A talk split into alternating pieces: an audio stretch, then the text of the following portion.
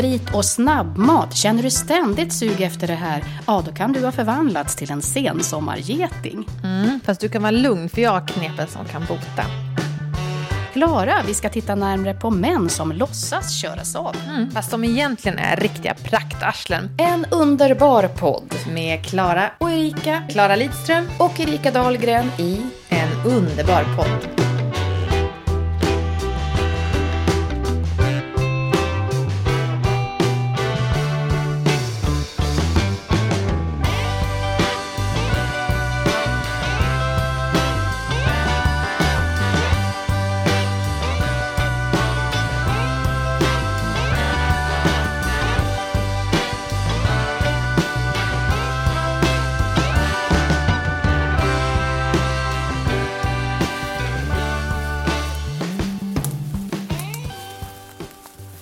Klara, hur vet man att det är en kantarell?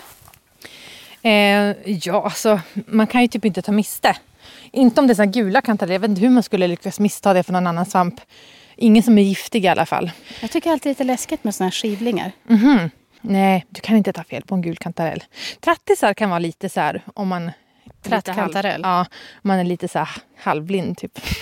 Men eh, annars är ju trattkantarell, eller annars är ju kantareller den säkraste svampen att plocka. Så du är helt säker på att det här kan vi nu plocka? Yes, och du ska vara väldigt, känna dig väldigt hedrad för att du får komma till mitt hemliga kantarellställe. Ja, nu är vi hemma hos dig här Ja. i dina skogar. Mm. Eh, det ska bli eh, dagens lunch det här. Ja, jag tänkte att vi skulle göra bara en kantarelltoast med västerbottensost. Det är ju supergott. Får man se om man överlever. Nej, men du är van. Ja, jag plockar mycket svamp. Jag är ju mycket ute i skogen med min hund och då hittar man ju massa ställen med tiden.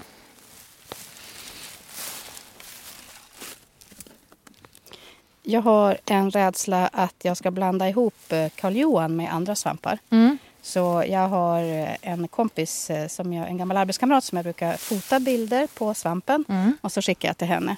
Och då kan hon berätta, nej det där är en aspsopp, det behöver du inte ta med dig hem. Men titta där har du en Karl Johan. Mm. Åh, grattis Erika, spara den, Mm. den kommer bli jättegod. Ja. Och det är alltså att jag skivar svampen och så torkar den på ett papper för jag Ja. måste så tänka på det här om jag ska våga äta den. Och sen när den har torkat så lägger jag i en burk Mm. och så tar jag aldrig fram den. Så jag har massa såna här burkar med torkad, troligen Karl Johan svamp.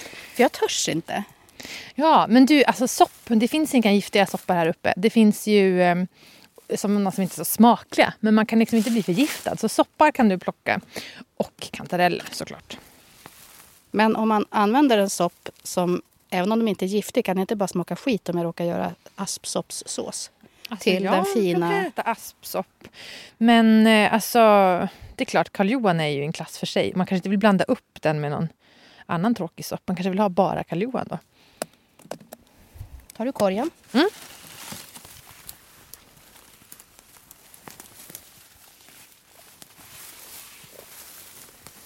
Har du mer sötsug när det blir höst?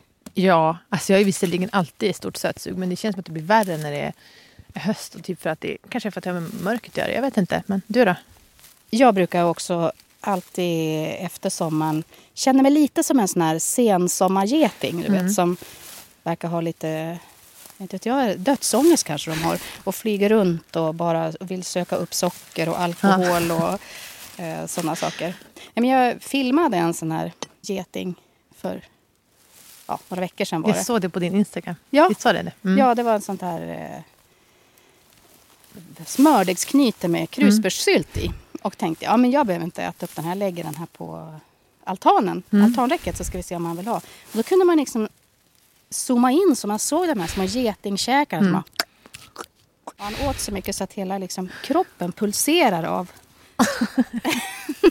njutning för att, att stilla det här sötsuget. Ja. Då kände jag igen mig lite. Jag kan tycka att det är så att jag hela tiden, eh, ofta på ett dygn så kommer det upp så här. Ja, jag ska ha haft något sött. Jag är Ja. lite sugen. Och om jag går förbi en uteservering, och det här kanske var det som var läskigast, så kände jag liksom så här, lutade mig lite mot serveringen. För så här, kunna dra in lite känsla av eh, att de satt där och drack säkert något jättegott vin eller vad det var. Men vad, vad beror det på då? Jo, men jag tänkte det. Förra gången så pratade vi om utmattning. jag är lite utmattad helt enkelt. Mm. Det, för det här är det år som jag har varit mest sötsugen av alla. Och Mm. på alla onyttigheter. Alkohol, eh, Gud ja. snabbmat, Mm. allt som man ska undvika. Det är precis samma för mig. Jag tror abso- absolut att det har med utmattning att. Det är som när man ammar också. Man är ju, dels behöver man kalorierna men sen är man ju trött och sover dåligt. Och så, här, så man vill ju bara äta socker och fika hela tiden. Och, eh, men sen är det ju bara så att alltså, det är ju en fantastisk medicin.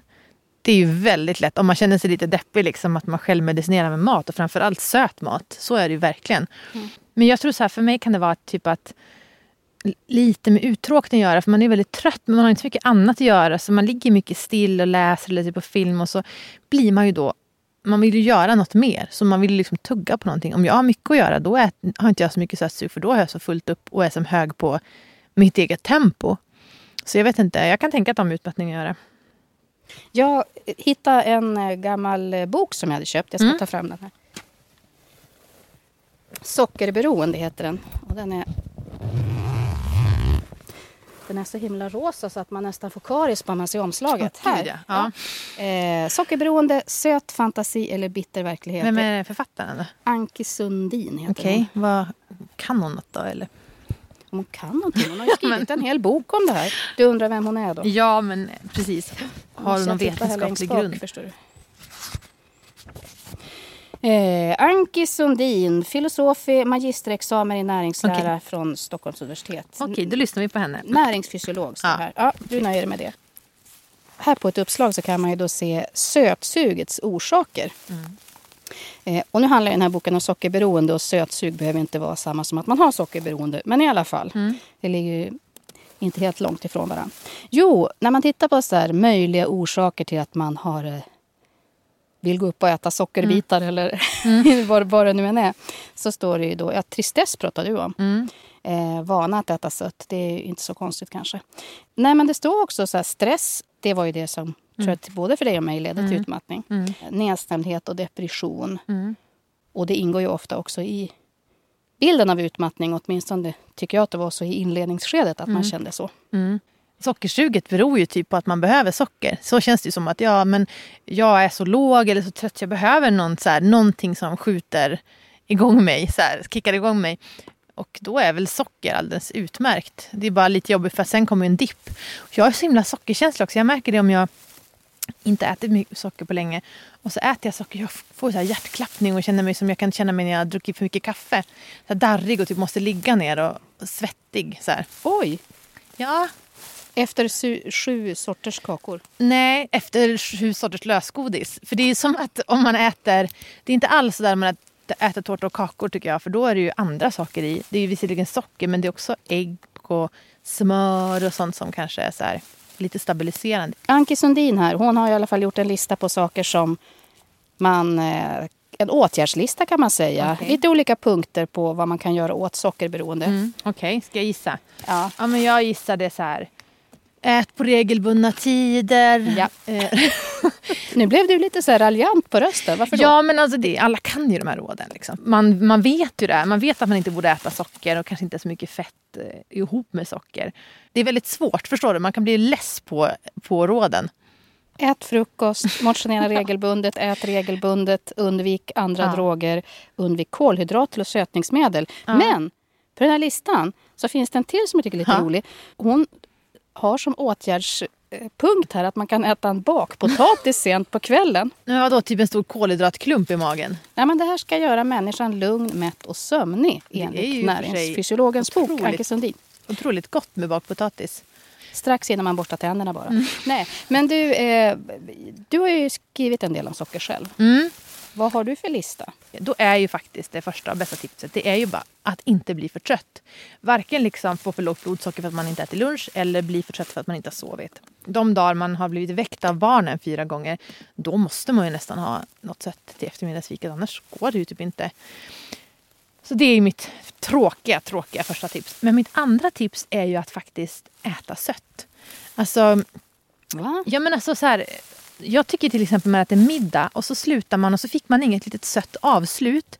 Då går jag hela kvällen och känner så här, jag skulle ha något sött i munnen. Så, här. så jag, och det är lite dåliga på. Min mormor är ju världens måttligaste kvinna. Hon gjorde alltid så här. Hon eh, hade alltid en efterrätt och då, och då kände man sig inte så sockersugen sen och då åt man den i samband med måltiden så att blodsockret sköt liksom inte iväg. Och det var inget stort eller märkvärdigt. Det kunde vara en liten kräm eller någonting. Det är Men inte en så halvskivad eh, grapefrukt eller något? Nej, utan det måste vara lite sött. Så det jag gör, för jag orkar inte stå och göra ef- efterrätter, det är att jag brukar ha typ torkade fikon eller plommon eller eh, dadlar som är så riktigt så här kvällningssöta. Och så efter måltiden tar jag typ en eller två sådana ihop med te.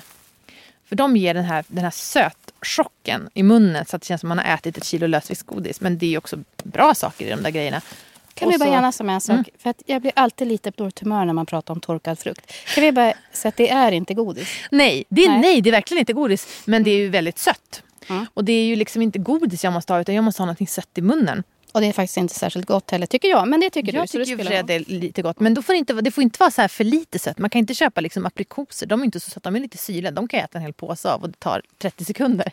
Utan det måste vara en äckligt söt daddel typ. Så att man får lite avsmak för sött. Man möter Ja, men- liksom Ja sötsugen men direkt efter maten, en kopp te en kopp kaffe och så en liten sån där söt grej i munnen. Och då känner man så här, nu har jag fått en komplett måltid. Men det är då alltså för att man inte ska sen frossa socker på kvällen Ja. och försöka vara duktig till middag. Precis.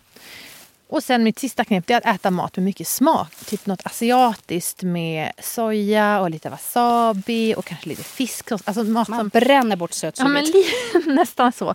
Och mycket koriander, alltså mycket sånt som smakar väldigt mycket. Jag, jag kan inte säga att det finns något vetenskapligt belägg för det men det, jag tycker att jag blir mindre sötsugen av det.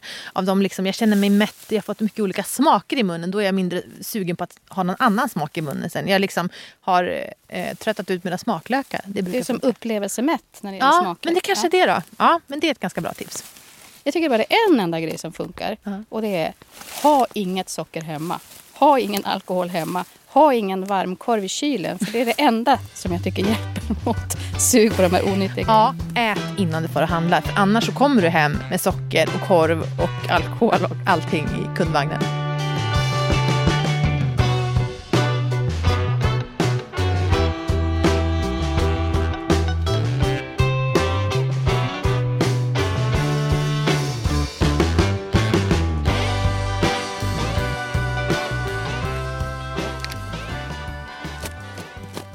Hela korgen är gul tycker jag. Eller nu överdrev jag. Botten på korgen är gul. Ska vi nöja oss med, med kantareller? Ja, eller? men det gör vi. Det här räcker ju till lunchen.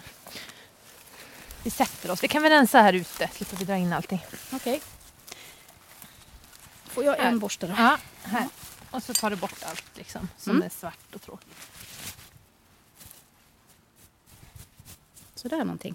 Nej, det där kommer ta lite till för annars kommer det så här knarra i munnen du äter det. Jaha. Måste vara ordentligt förstår du. Det är inget gott. Nu då? Nej, Men vad Nej men det är ju barr kvar. Det där vill jag väl inte äta på en Ja, men det toast. kan jag väl ta bort med fingret. ja, det. du? Ja, fast jag är ju egentligen snäll. Du, jag vill aldrig mer höra en enda människa som säger så här. Jag är så lik han, du vet, en man som heter Ove. Vad då är det folk som säger så eller? Ja, men du vet Fredrik Backmans älskade karaktär, Ja. han som heter Ove. Ja. När boken kom, Mm. det är ju ett bra tag sedan nu, då fanns det kvinnor som skojade om att ja, att kanske deras snubbe var lite lik Ove i vissa drag. ja, Ja, just det. Det här eh, att man vill ha det på ett visst vis. Mm. Man kanske inte är så jättesocialt begåvad men egentligen i grund och botten en, en fin människa. Liksom Mm. så här, hel och ren och ordning och reda. Skulle han skotta snö skulle han kanske ha en vinkelhake så att det blir 90 grader i sin gång eller något. Ja. Nej, men det, och det, det tror jag egentligen på. Alltså att det finns en liten Ove i ganska många. Mm. Men att man är så himla lik, alltså jag och han vi är som så himla lik. Det stör jag mig på för de som säger så Ja. de är de mest eh, självupptagna, gapiga och skitirriterande människor jag vet. Men vad då det finns för folk som är som honom eller? Alltså om man är som Ove Ja. så skulle man ju aldrig själv säga det. Det går ju helt emot hela karaktären tycker jag.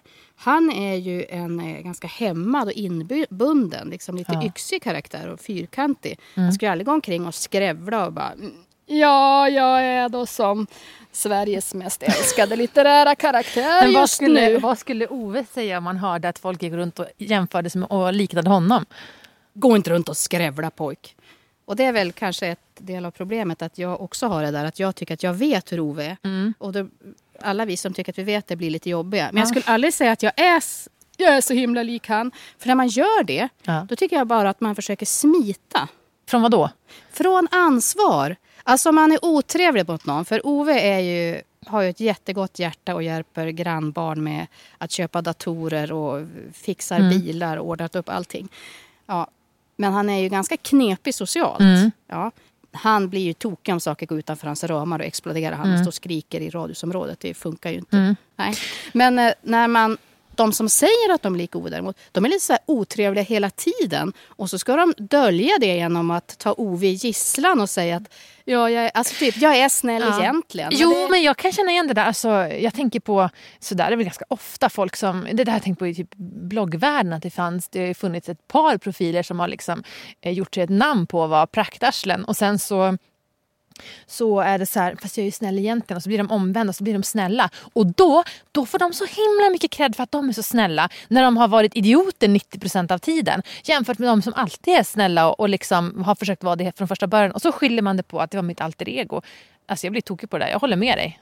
men det är också ett problem när det är en känd karaktär, alltså en litterär figur som jättemånga tycker om. Ja, man säger det, det är lite så här humble brag. Man, man säger det för att vara, jag är lite så trulig men det man egentligen syftar på när man är Ove det är att man är, har ett hjärta av guld.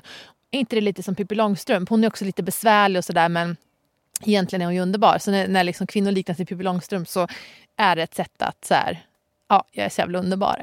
Alltså att kvinnor själva säger jag är lite som Pippi. Ja men det är vissa som säger det, både Pippi och Lilla My, alltså i Mumin Ah. karaktärerna så här att det är ju en störiga karaktärer men som är Jag är en goda på insidan. obstinat jävel som inte orkar följa några som helst sociala koder. Ja, och jag Men tänker titta, jag är kul för jag har en röd och en grön strumpa. Ja. Och jag behöver aldrig be om ursäkt utan när jag har varit en idiot då bara hänvisar jag till karaktären. Ja, det är det där. Ja, jag är så himla lik en man som heter Ove. Då behöver man inte be om ursäkt Nej. och det, det tycker är ju inte jag funkar. Men alltså vad ska man göra åt det då? Alltså, jag har gjort en handlingsplan. Åh, Ja. Bra. Och eh, den är i tre steg. Jag tänkte vi tar en lite rappt här ja. bara. Ja. Alla som har läst boken vet ju att Ove kör Saab. Ja. Så ska man direkt gå på med en sån fråga tycker jag, när man hör. Ja, jag är då så himla lik en man som heter Ove. Alltså vi är så lik. Snabbar man sig bara direkt och ställer en motfråga. Hugger direkt. Jaha, du kör Saab. Ja, Kan, men, en, kan han inte svara ja på det, då är det bara bort direkt. jag menar, det finns ju män som kör Saab ändå. Ja, det gör det ju. Då kan man fortsätta att ringa in den gruppen med en snabb motfråga igen. För om man är som Ove, då borde han alltså tvätta sin egen bil också. Ja. Då säger man, jaha, och du tvättar din Saab för hand. Hur ofta gör du det då? Men om man gör det då? Om du svarar ja på det också? Nej, men här faller ganska många bort. Okej, ändå, det som kan står själv och håller svabba. Men visst, du har rätt. Den är inte helt eh, vattentät, den här handlingsplanen. Säger han att han har en Saab och han tvättar bilen själv ofta för hand. Mm. Då kan det vara så att han har rätt faktiskt. Att det kan ju vara så att, att du har träffat en, en man som heter Ove. Ja, Då får man liksom bara släppa det. Men det finns också ett tredje sätt. okej. Vi Ja, leker att det är du. Mm. Alltså, ja, jag är ju som han, eh, en man som heter Ove. Få se Ove! Ja, han Sundberg! Ja, men det har du rätt i.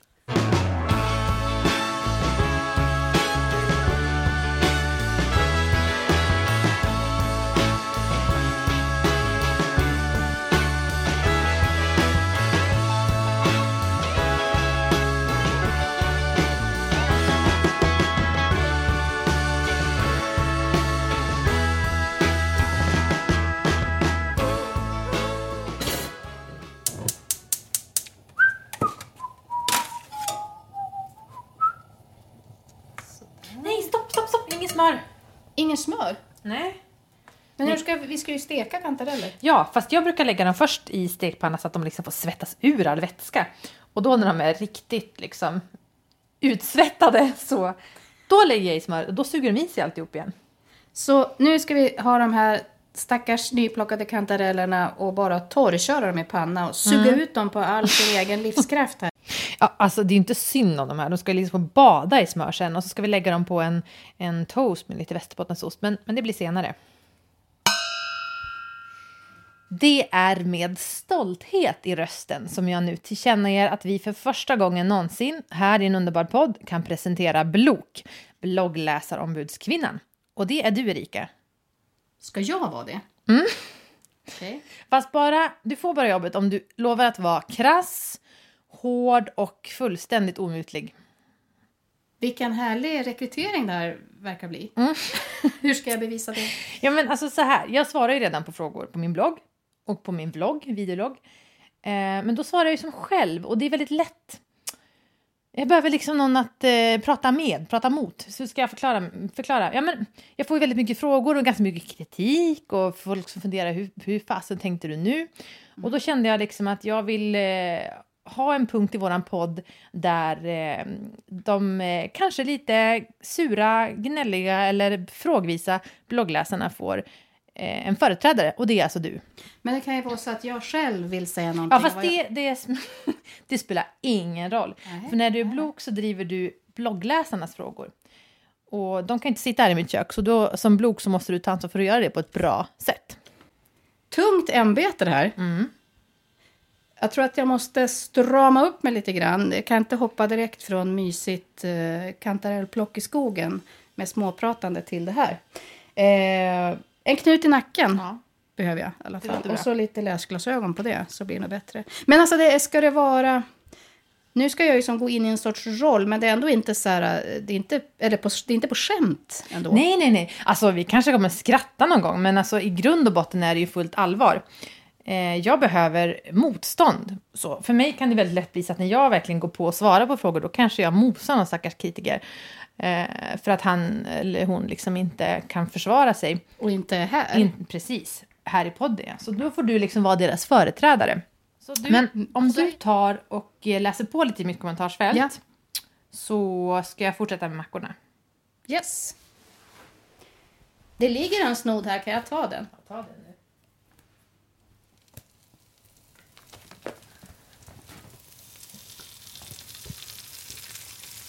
Ja, medan Erika nu sitter med knut i nacken och glasögonen står jag och steker kantarellerna. Saltar lite och pepprar.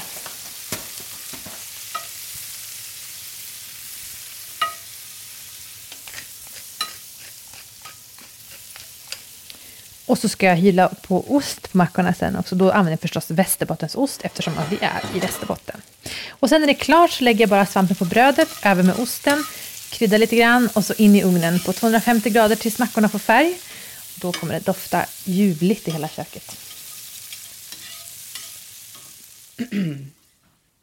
Då vill jag, Blok, bloggläsarombudskvinnan, hälsa samtliga närvarande välkomna till denna frågestund. En stund där bloggläsares kommentarer hämtade från sajten underbaraklaras.se får svar.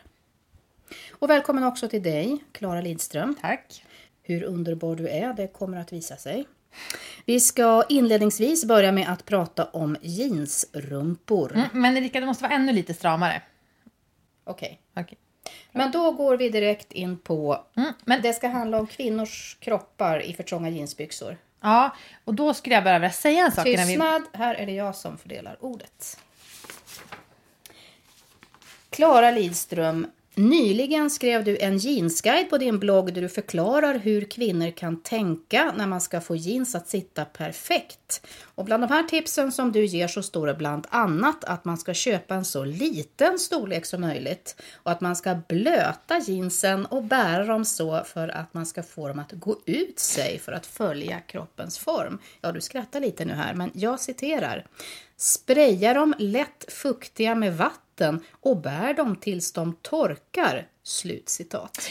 Eh, ja, och det jag gjorde var ju att gå att... emot tidigare åsikter som du har delat med svenska folket i ditt Sommar i P1 den 27 juni 2011. Ett program som i folkmun även kallas för Sommarpratarna. Och i det här programmet så berättar du att du i din ungdom otrivdes när du arbetade i klädbutik. Du otrivdes med att ge precis sådana här råd till kvinnor. Inte sant, Klara Lidström? Eh, ja, men då vill jag först bara säga så här. Det här sommarpratet, då pratar jag ju för att jag, under den här tiden fick jag väldigt mycket kritik för att jag såg ut som en 50-tals hemmafru och det var ju så obekvämt, opraktiskt mode och eh, en modern framsynt feministisk kvinna går klädd i jeans. Det är bara så är det. Och eh, då liksom vände jag på hela resonemanget och sa liksom att vadå en 50-talskjol, då kan man ju ha mage som putar under linningen eller du vet. Eh, det är mycket mer tillåtande mode. Och så tog jag ett exempel på hur det är att liksom, om du ska ha jeans så är det så här du måste göra. Och eh, det var liksom bakgrunden till att jag sa så där i sommarpratet. Um, och det, anledningen till att jag gjorde blogginlägget var för att själv använder jag jeans väldigt sällan av ovan sagda anledning. Men um, om man nu ska köpa jeans, då är det ju de här råden jag själv går efter. Signaturen K skriver så här på din blogg. Usch vad besviken jag blir att du trots det du sa ändå ger samma tips igen. Och en annan läsare som heter Ida, hon skriver så här på sin blogg. Hur kommer det sig att du nu helt vänt i den här frågan? Ser fram emot att höra förklaringen för det här inlägget gjorde henne både förvirrad och ledsen på samma gång, skriver hon. Vad har du att säga till Ida och andra läsare som faktiskt undrar samma sak? Eh, ja, det jag undrar är liksom, hur ska man tipsa om ett plagg som jeans på ett feministiskt sätt. För mig är ju liksom jeans är obekvämt. Precis som att bh kan vara sjukt obekvämt. När jag går och köper bh, då går jag alltid till en Umeås bästa lilla underklädesbutik och då får man rådet att köpa den tajtaste bhn man kan komma i i ryggen för att den kommer töja ut sig. Och då skulle jag bli sjukt sur om de sa så här, köp en skön storlek. För jag har inte tänkt betala 800 spänn för en bh som är för stor om en vecka och på precis samma sätt resonerar jag med jeans. Men av exakt samma anledning så använder jag inte jeans ofta heller. Varför skrev du överhuvudtaget en guide då? Därför att det finns ju ganska många kvinnor som faktiskt använder jeans och kan behöva ett litet tips, eller ett, ett antal tips på hur de kan hitta ett par jeans som, som sitter bra. Signaturen Linn. Det här inlägget gjorde mig ledsen. Tycker det var befriande och upplyftande det som Klara sa i sitt sommarprat alltså det sommarprat som vi tidigare hänvisade till här. Och jag har ofta tänkt på det här i stunder, skriver Linn, då jag känt mig fel när inga slimmade jeans passar eller känns otroligt obekväma. Nu dessa tips om för små och blöta jeans till kvinnor. Fattar inte varför, så skriver alltså Linn. Har du svikit dina trogna läsare, de som backar upp dig när du har trotsat modebranschens förtryck av kvinnan och vänt dig mot jeans? Nej, alltså verkligen inte. Och eh, jag säger så här, om du, inte, om du känner dig fel när du har slimmade jeans, men skit i slimmade jeans då. Det är ju precis så jag gör också. Jag har ett par jeans, för ibland så vill jag ändå ha det där. Precis som att jag har ett par klackskor i garderoben. Det är inte det jag väljer oftast.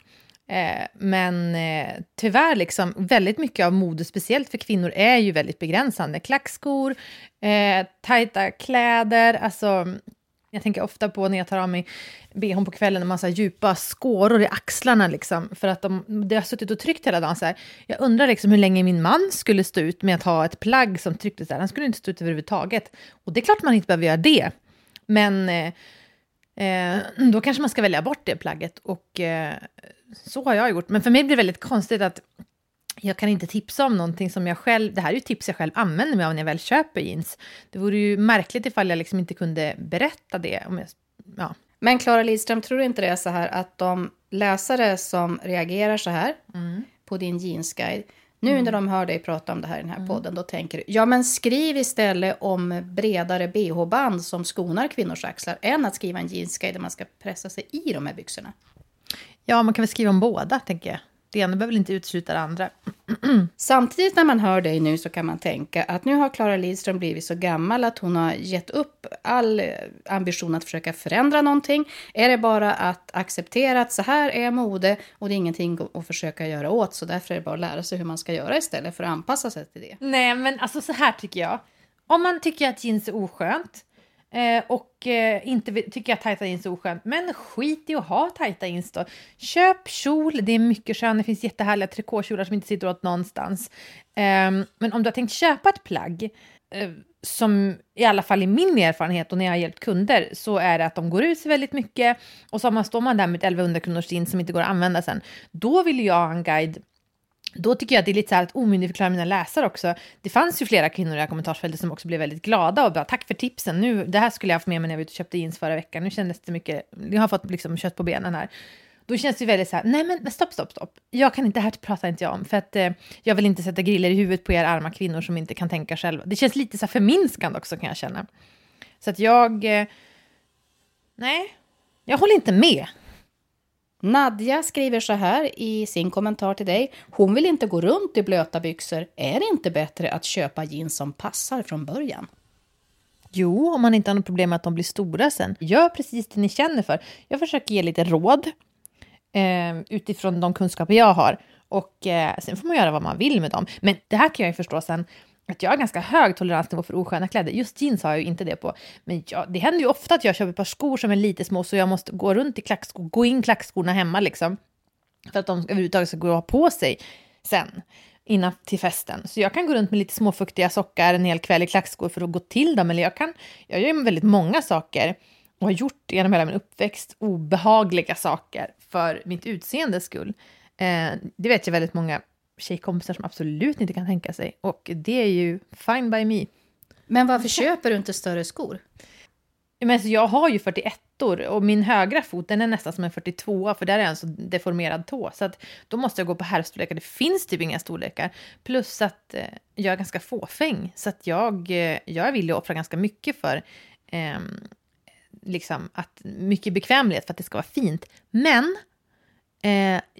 ur ett annat perspektiv tycker jag att det är helt uppåt väggarna att liksom, eh, småflickors kläder är i samma storlek är mindre än pojkars i samma storlek. Alltså att tjejers rörelsefrihet inskränks och kvinnors rörelsefrihet inskränks ju med, med höga klackar och liksom, eh, underkläder som skär in eller som, så. Och det är ju eh, sjukt, men man måste kunna hålla två tankar i huvudet samtidigt. Eller så väljer man att hålla sig till en bra tanke så håller man just den i huvudet. Ja. Vad är man med det? Valet är fritt. Härmed tackar jag samtliga närvarande för visat intresse och avslutar min tjänstgöring som Blok bloggläsarombudskvinnan för den här gången. Ett tips i all välmening, Klara. Ska vi ta ut de där mackorna innan de blir brända? De klarar sig. De är perfekta. Kolla. Det luktar jättegott. Ja, det gör det. Ska vi bloka igen nästa vecka vill jag bara Men det är klart att vi ska göra. Det var ju... Jag tyckte inte det var så klart. Jag tyckte det såg ut som du tyckte att det var ganska jobbigt. Det var ju ganska jobbigt, men jag tycker också att det var ganska bra. Jag får öva lite mer bara så att eh, jag hamnar på rätt sida om humor. Så att det inte blir fjamsa bort alltihop helt enkelt. Jag vet att du vill att det ska vara allvar. Musiken i En underbar podd, den har vi lånat av Olof Antonsson och hans musik med blås och stråkar och alltihopa, det kan du höra på Spotify. Och jag, Klara Lidström och Erika Dahlgren är tillbaka nästa vecka. Och kolla in i Acast-appen för att se bilder på allt jag varit med om idag. Ha det gott så länge! Det här smakar jättemycket smör.